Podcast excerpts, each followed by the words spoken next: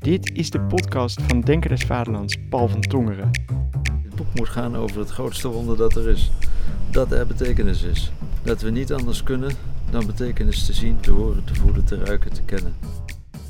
Filosofen, die zijn er in soorten en maten. En in overvloed. Zowel doden als levenden. Maar er is maar één Denker des Vaderlands. En er is ook maar één Denker des Vaderlands podcast. Dit is de tweede aflevering en die gaat over het wonder van betekenis. Het boekje dat ik samen met Paul van Tongeren geschreven heb. Ik reisde met hem mee naar Kreta, waar hij een cursus gaf over geluk bij Aristoteles. In de avonden van die cursusweek interviewde ik hem voor ons boekje. In deze episode kun je horen hoe het idee voor dat boek ontstond. Tijdens het allereerste interview onder de sterrenhemel.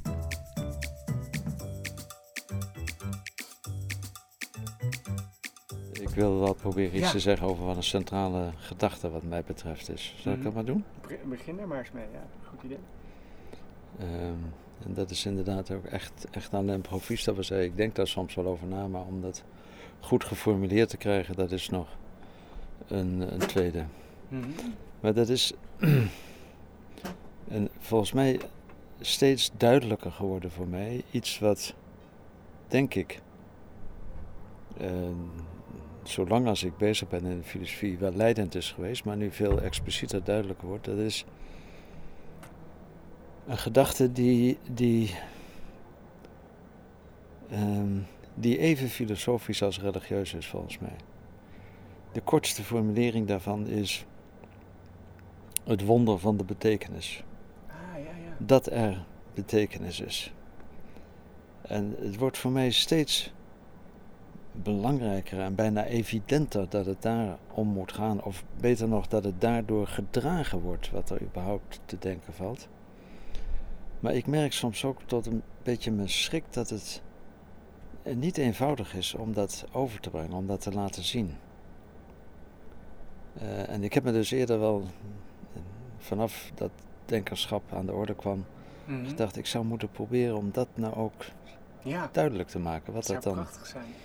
En je hebt het aan mij wel eens gezegd, ook wel, wel, wel vaker, en het is me ook altijd bijgebleven. Ehm, alleen al het feit dat een filosofische vraag een vraag naar betekenis is, is heel behulpzaam, vind ik. Ja, dat het, het gaat niet om feiten, het gaat niet om, eh, om dingen die op een of andere manier geconstateerd kunnen worden of vastgesteld kunnen worden of zo. Hè? Nee. Dat, dat, dat hoort allemaal bij de taal van de feiten.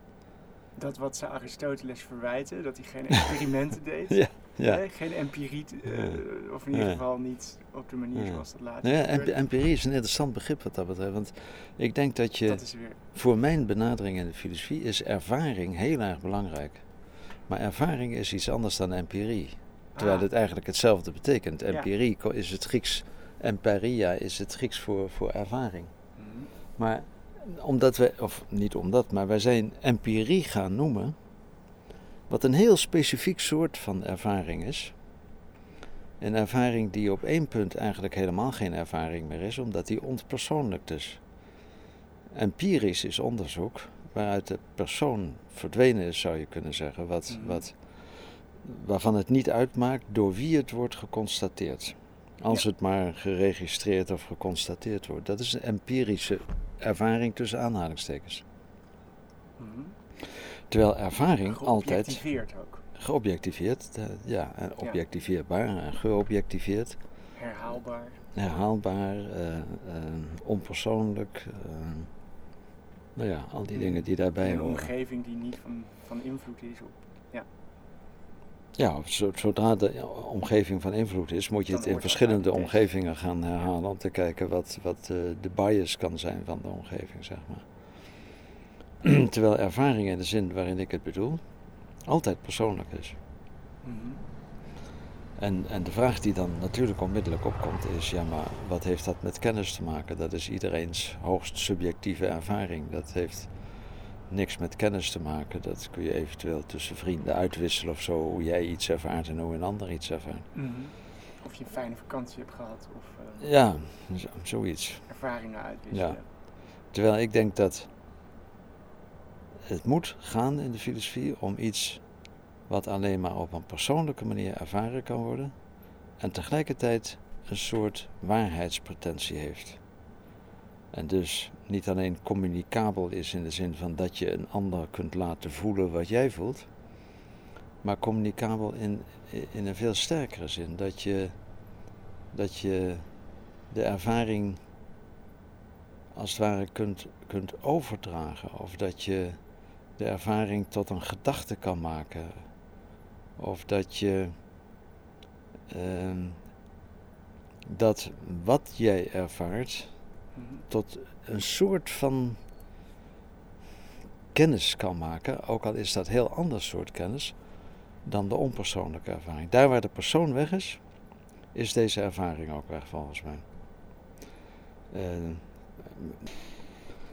eh, de, de persoon is zonder meer nodig, maar, maar dat, dat betekent niet dat het in de persoon blijft opgesloten. Of dat het alleen maar, bij wijze van spreken, ter kennisgeving kan worden aangenomen. Of ter kennisneming kan worden genomen. Of ter kennis kan worden genomen, moet ik zeggen Mhm. natuurlijk. Dat wil zeggen, jij kunt mij proberen duidelijk te maken hoe je je voelde toen dit of dat gebeurde. En dan kan ik op een bepaald moment zeggen, oké, nou weet ik hoe jij je voelde.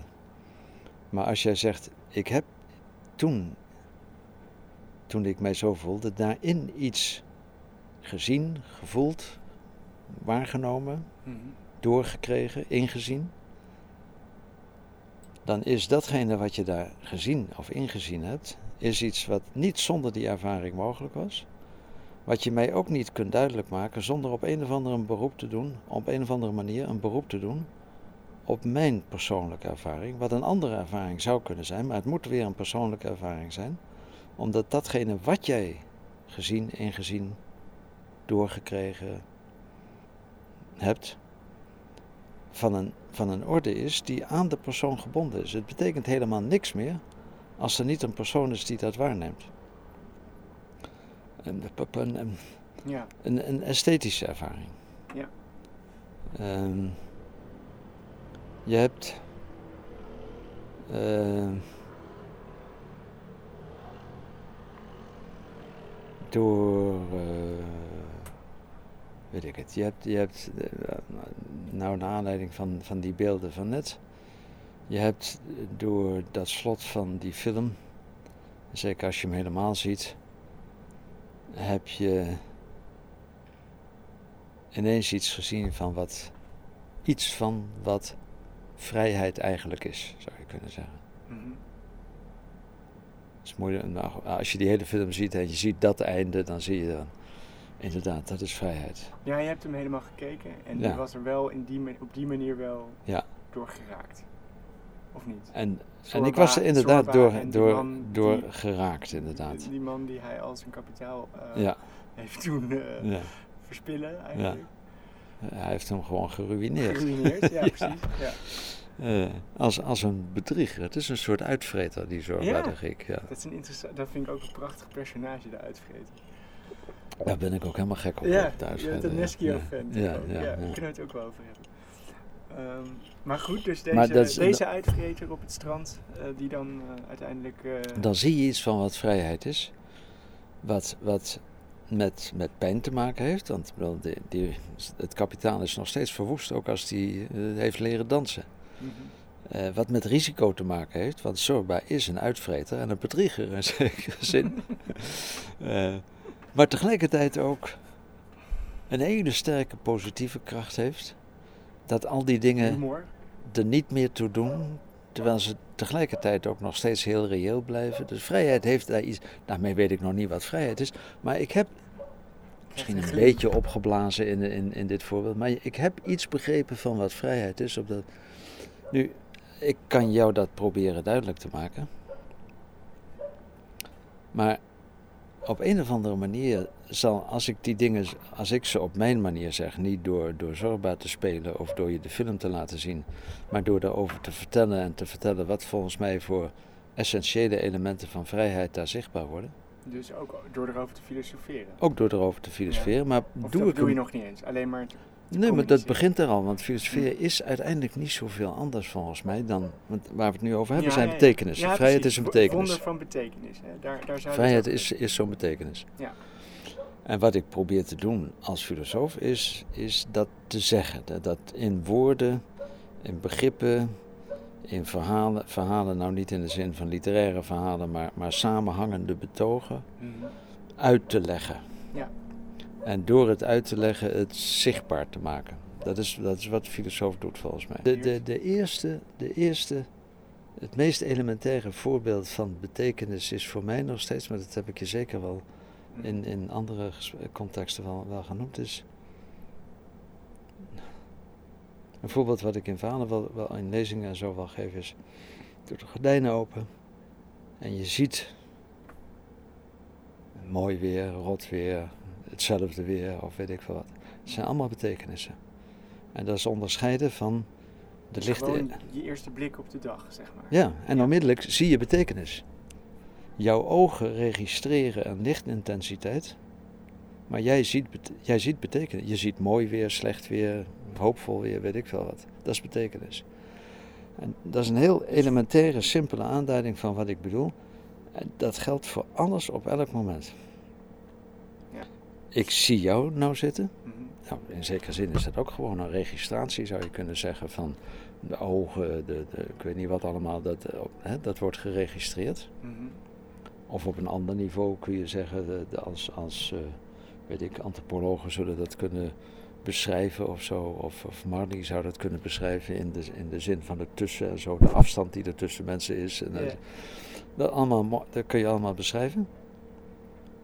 Maar Een- een, datgene- Een, een neuroloog, die, die zou kunnen Een neuroloog, van, eh, ja. Er is nu een bepaalde staat van eh, onze, onze neuronen in Ja. onze hersenen. Die ons al dan niet eh, in staat stelt om dit gesprek te voeren. Kennelijk zijn we ertoe in staat. Maar op een of andere manier is het altijd al. En dat altijd al doet me aan iets. Ik, ik was van de week. Mm. Ik maak eerst de zin af en dan. Eh, is het altijd al. Voorafgaand aan die neurologische, antropologische, sociaal-wetenschappelijke, we- weet ik wat allemaal beschrijving, is het altijd al betekenis. Eh, dus ik vind het leuk om met jou te praten, ik, ik vind het interessant of ik vind het saai of Ja. ik, eh, ik wacht of, of ik, eh, ik, ik kan me haast niet inhouden. Nou, allemaal dingen, dat is allemaal betekenis. Maar waarom is, zeg jij voorafgaand? Want kan dat Voorafgaand omdat die andere dingen zijn abstracties volgens mij. Ja, maar je kan toch ook zeggen, het is juist andersom. Het is het gevolg van... van want als al die neuronen... Ja, maar dan ga, je, dan ga jij, dan ga je op een heel abstracte manier spreken. Ja. Dan zeg je, dan, dat is typisch de houding van de wetenschapper. Ja. Die zegt van, ja, jij denkt nu dat, maar eigenlijk... Ik denk dat er betekenis is, maar dat is alleen maar een projectie. Ja, Eh, ook dat ja dan krijg je Mark- ook Mark dat. Slors Ja, eh, ja. zegt, toch? Eh, of hoe heet hij? Uh, heet Mark Slors? Die, Die Mark, ja, ja, Mark Slors, Ja. Hoewel Mark is tamelijk Oh, ja. genuanceerd daarin hoor. Maar inderdaad in die... De, de neurofilosoof, Ja, die kan zeggen... Ja, maar dit is allemaal... Het is de babbelbox van het brein, toch? Eh, ik weet Ja. even niet van wie die term is, maar... eh, ja, dat wordt er bovenop geplakt. Dus die betekenis die jij zo hoog acht... Dat is gewoon eh, een, een stemmetje wat bovenop een hele hoop processen gaat zitten. En dan- eigenlijk maar heeft het dan- daar geen enkele grip en geen enkele ja, controle op. dan praat jij als de wetenschapper. Die, die eerst al geïnteresseerd is geweest in wat zou dat nou eigenlijk zijn wat daar is. Oh ja. En eh, geïnteresseerd zijn betekent de ervaring van betekenis. Ah. Hij begint niet te registreren, hij begint geboeid te zijn. Of verveeld te zijn, of opgejaagd te zijn en zo. ja. En, en als dat niet gebeurt, dan komt hij nooit tot die stap om abstractie te nemen en te zeggen, maar wat is er dan eigenlijk down, deep down underneath enzovoort. Dus het is, het is een evidente. Ik was van de week, dat wou ik tussendoor zeggen net, ja.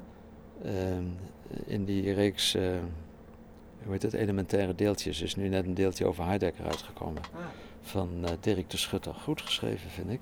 oh, leuk. En, en ik dacht, eigenlijk is dit, wat ik hier lees, dat is wat ik ook bedoel. Met die, de- ik heb waarschijnlijk ook veel van Heidegger geleerd op dat punt. Mhm. Dat, dat dus in, in technische filosofische taal is dat eh, uit te drukken in, in de volgende ontwikkeling. Eh, de, dus voor, voorafgaand aan de fenomenologie eh, denken filosofen en wetenschappers, maar ook filosofen over het subject, dat zich een voorstelling maakt van een wereld. Er is een object, een wereld. Uh, daar ben jij, dat is een koffiekop enzovoort. Dat is allemaal wereld. Dat is object voor mij die het zich voorstelt. Het subject is de voorstellende, het Kantiaanse model. Mhm. Het ik dat altijd aanwezig is en voorondersteld is als, de, als degene die, die zich een voorstelling moet maken om überhaupt zich iets te kunnen voorstellen. Dat zonder dat ik mij een voorstelling maak, is er geen voorgesteld iets. Nee. De andere kant, als er niks is wat ik kan voorstellen, kan ik mij geen voorstelling maken. Dus die twee zitten aan elkaar vast. Nu, dat wordt vervolgens in de fenomenologie heel sterk geradicaliseerd en omgegooid. Dan wordt er gezegd, er is niet eerst een subject en dan een object. Er is, het bewustzijn is intentionaliteit. Bewustzijn is de relatie tussen subject en object. En eigenlijk is subject en object een verkeerde term, want dat zijn al abstracties van wat er eerst is, namelijk de relatie. Bewustzijn is altijd bewustzijn van iets. En iets is altijd iets voor een bewustzijn. Dat, dat kan niet. Er kan niet eerst iets zijn dat ik mij vervolgens ga voorstellen. Want wat zou iets betekenen als er helemaal geen, enkel, geen enkele voorstelling is van dat iets? Ik, ik, ik kan zelfs, zelfs als je zegt, nou dan is het niets, maar ook niets moet op een of andere manier bestaan voor iemand die voor een, een soort bewustzijn dat niets noemt of dat niets waarneemt. Dus bewustzijn is intentionaliteit. Dat betekent eigenlijk subject en object zijn secundaire termen en eerst is het de relatie.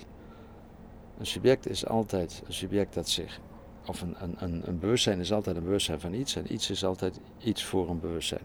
Dat zit aan elkaar vast. Dat is de stap van de fenomenologie. dat blijft. In, in, in, nee, nog niet. Dat is, dat is, dat is Husserl. Ah, oké. Ja.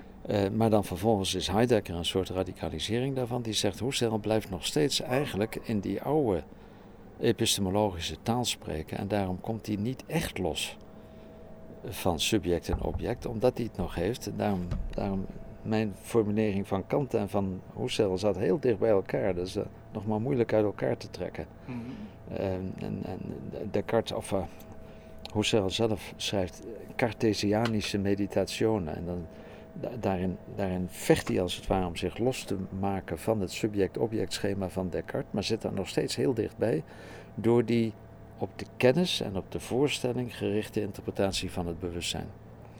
Hij overwint Descartes door de notie intentionaliteit. Dat wil zeggen, je kunt niet van het een en het ander spreken en dan pas de relatie, maar eerst is er de relatie. Want anders is er niks. Want het moet altijd iets voor iets zijn. Ja, want, als dat, ja, want, dus, want Descartes, even om, om één stapje terug te maken. Hè, Descartes introduceerde uh, ik denk dus ik ben. En daarmee het simpele schema van een denkend subject. Dat was een, een ja. Toch? Als ik het heel simpel een denkend subject, wat, waarvan de vraag is, en, en, en wat is dan het substraat daarvan? Dus er moet ook, er moet ook een object zijn, en, dus een, een denkend ding. Maar wat is het dan als ding, als het alleen maar een denkend ding is? Dus dat, dat was, bij Descartes bleef het opgesloten in het subject, zou je kunnen zeggen. En vervolgens kwam de vraag, ja, maar er is toch een werkelijkheid. En dat is de tweede stap die Descartes zegt als hij weer begint op te bouwen. Eerst heeft hij het cogito en de zekerheid. Eerst weggetwijfeld. Dan heeft hij de zekerheid van het cogito. Ja. Uh, maar dat is nog maar het begin, want vervolgens moet hij de werkelijkheid weer terugvinden. Ja. En dat is dan datgene waarover dat subject denkt of wat dat subject waarneemt enzovoort, dan komt, dan, dan komt de hele wereld van de objectiviteit weer terug. Mhm. Maar het subject is al geconstitueerd. Dus het Even één terzijde, hè, want dan gaan we door. Maar Henk Hillenaar zei, Descartes had dat nooit kunnen bedenken als hij geen Jezuïetenleerling was geweest. want, eh, want Ignatius heeft geïntroduceerd dat jouw gevoel en jouw, uh, met zijn geestelijke oefeningen, jouw subjectieve ervaring ertoe doet. En dat deed hij dan weer op basis van de nieuwe, hè, de moderne devotie. Hmm. Dat vond ik wel heel interessant, dat had ik nog nooit gehoord. Maar goed, ik dacht, daar kan jij vast iets mee. en dan kun je misschien... ik, moet dat... Eh, misschien kun je mij die, die tekst van het interview met ja, Helena nog eens toesturen. Want ik zag het staan, maar heel vaak bewaar ik de, de bijlagen voor later en dat komt heel ik vaak Ik moet er nu weer aan denken. Van, het, is, het is grappig, dat vond ik, dat hij een link maakte met... En dat zal jou aanspreken, zeg maar, van die, die, die, die grondlegger van, de, ja, van het moderne rationalisme eigenlijk, toch? Uh, ja, ja. Het is een ja, ja. dat dat misschien wel een in die zin een, een religieuze bron ook. Ehm, Dat zou interessant zijn, maar dus Maar wat goed, mij is verbaast en waardoor ik er niks over durf te zeggen, is omdat je dat eh, verbindt met religieuze ervaring. En dan denk ik, Mhm. ja, maar die religieuze ervaring is juist ervaring van betekenis volgens mij. Dus, Ah. eh, of dat, of dat Ja. lukt of niet, dat weet ik niet. Oké, oké. Moeilijk. Maar daarom, ik wil het wel eens lezen. Ja. Ehm, Eh, Goed, bij- Je bij- was aan het uitleggen inderdaad hoe Descartes dus eerst alles wegtwijfelt en dan eh, het, weer dus de werkelijkheid weer moet herintroduceren. eerst de zekerheid van het cogito vindt. Ja. En dan vervolgens de vraag heeft, en, en hoe weet ik nou dat er ook iets bestaat? Dat er ook een ander bewustzijn bestaat dat voor mij enzovoort. En dat is de wereld van de objectiviteit.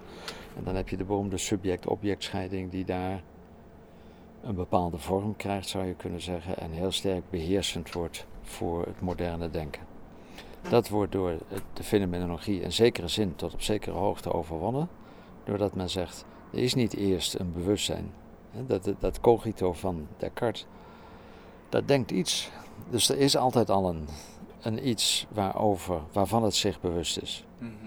Eh, het denkend ding is een denkend ding dat iets denkt. En dat iets is niet later dan het denkende ding. Dat denken, nou goed, zelfbewustzijn ja, is. dat, dat, dat, dat wordt als het ware, het is niet los van elkaar te denken Nee. ook. Dat is dus intentionaliteit. Mhm. Maar dat is nog steeds heel sterk bij Husserl gebonden aan de wereld van de kennis en van de voorstelling, van de waarneming. Eh, dat is wat Husserl eigenlijk doet. En wat, wat de, de grote stap van, van Heidegger bestaat erin dat hij zegt dat ook die concentratie op de waarneming eigenlijk niet echt van het subject-object schema afkomt. En dat dat komt omdat ook dat al een abstractie is. Want eerst is er al de omgang met de dingen. Voordat wij zeggen, het beroemde voorbeeld van, van eh, Heidegger, voordat wij zeggen dat is een hamer, of wat is een hamer, of een hamer is zus of zo, eh, is er iemand die een hamer pakt, of die niet bij de hamer kan, die te ver weg ligt of zo. Dat is het eerste wat er is. Dus dat is, en dat is ook op de wijze van de intentionaliteit te denken. Dus ook dat is een relatie. Er is niet eerst ik die een hamer nodig heb en dan de hamer die te ver weg ligt en dan ik die mij realiseer dat enzovoort. Maar er is voorafgaand aan al dat soort overwegingen is dat de praktische omgang met de wereld waarin we iets willen pakken, waarin we op een bepaalde manier gaan zitten, waarin we iets vastpakken, iets wegleggen, iets, iets, iets meemaken op een of andere manier. En dus daar wordt de intentionaliteit van het niveau van het zich voorstellende bewustzijn teruggebracht tot het, Heidegger zal zeggen, denk ik, het existentiële niveau. Dus wij, bestaan altijd al in een praktische omgang met de dingen. En als ik het zo zeg, dan heb ik ze alweer te veel uit elkaar gehaald, want die omgang is precies de eenheid van die twee. Maar hoe, hoe komen we hier nou op? Uiteindelijk, wat ik wil zeggen, is, Ja. is die betekenis. Het wonder van de betekenis. Het wonder van de betekenis. Ja. Dus ik ga nog een keer terug naar. Ik heb dat voorbeeld gegeven van het eh, gordijn open doen en zo. Je ziet betekenis, je ziet mooi weer, slecht weer. En dat is iets anders dan een registratie van iets wat daar is. Ik ben niet hier en het weer daar, maar onmiddellijk Ja. is het mijn waarneming van mooi weer. Maar opnieuw, ik, ik kan het haast niet zeggen op een manier die de twee niet uit elkaar trekt. Maar het is een uit elkaar trekken. Je ziet soms in films dat een film eh, zwart-wit is en dat er ineens kleur overheen komt. Of dat er ineens Oh ja. kleur in verschijnt. Mhm. En als je dan, als het doorgaat als een kleurenfilm, dan kun je je haast niet meer voorstellen hoe het was dat de kleur, toen de kleur er nog niet was. De kleur is niet iets wat op. Het, het lijkt zo te verschijnen. De kleur komt er ineens overheen. Maar de kleurenfilm die je ziet, zie je niet als, eh, weet ik het, huizen waar kleur op gelegd is. Nee. Die zijn altijd al gekleurd. Nu, je zou, het is een beeld alleen maar, je zou kunnen zeggen de zwart-wit film, dat is de, de wereld van de feiten. Maar wij zien de wereld van de feiten altijd gekleurd. Ah, oh ja. En die kleur, dat is de betekenis. Dat beeld klopt natuurlijk niet helemaal, want eh, als ik het zo zeg, dan ik gebruik al abstracte begrippen, dus ik heb het dan in zekere zin uit elkaar getrokken. Maar het kan misschien iets duidelijk maken. Vooral in, in die ervaring van. Enerzijds doordat de kleur eroverheen schuift, te zien dat, dat de kleur iets anders is dan de dingen die kleur hebben. Mhm. Dat de betekenis iets anders is dan de feiten, zeg ik dan, in, in mijn toepassing van het beeld. Anderzijds, doordat je het niet kan zien als iets wat erop ligt. Dus de, Mhm. eh, het is niet zo dat een. Het is geen extra laagje of zo. Nee, Nee. ik verbaas me bijna dagelijks over, over hoeveel kleur er in de wereld is. Dat is mooi, hè. Er is ook een dichtregel, toch? Beroemde dichtregel van eh Klaas Schippers. Als je om je heen kijkt, zie je dat alles gekleurd is. Oh, ja. ja dat is zo'n mooie dat- regel. Ja, ja precies. Het is, dat is Maar dat is het helemaal, Ja. ja. Dus je denkt, ja verdomd, ja. ongelooflijk. Maar, Maar op dezelfde manier kun je zeggen, ja. Misschien is als je om je heen kijkt, zie je dat, er, dat alles betekenis heeft. En dat is net zo'n wonder. Of misschien En- nog wel groter. Want Eh, kleur kan je nog enigszins verklaren. Ja, nou, en met betekenis doen we dat ook. Maar ik wil dat als iets wonderlijks proberen te redden, zou je kunnen zeggen. Waarom is dat belangrijk? Kijk, je kunt het, je kunt het nou, omdat je anders... spreek je van wonder inderdaad? Want je kan ook zeggen het belang van betekenis of eh, de essentie van betekenis of eh, mijn focus op betekenis. Maar jij zegt het wonder van Ja, betekenis. Ja, Waarom dat wonder? ja.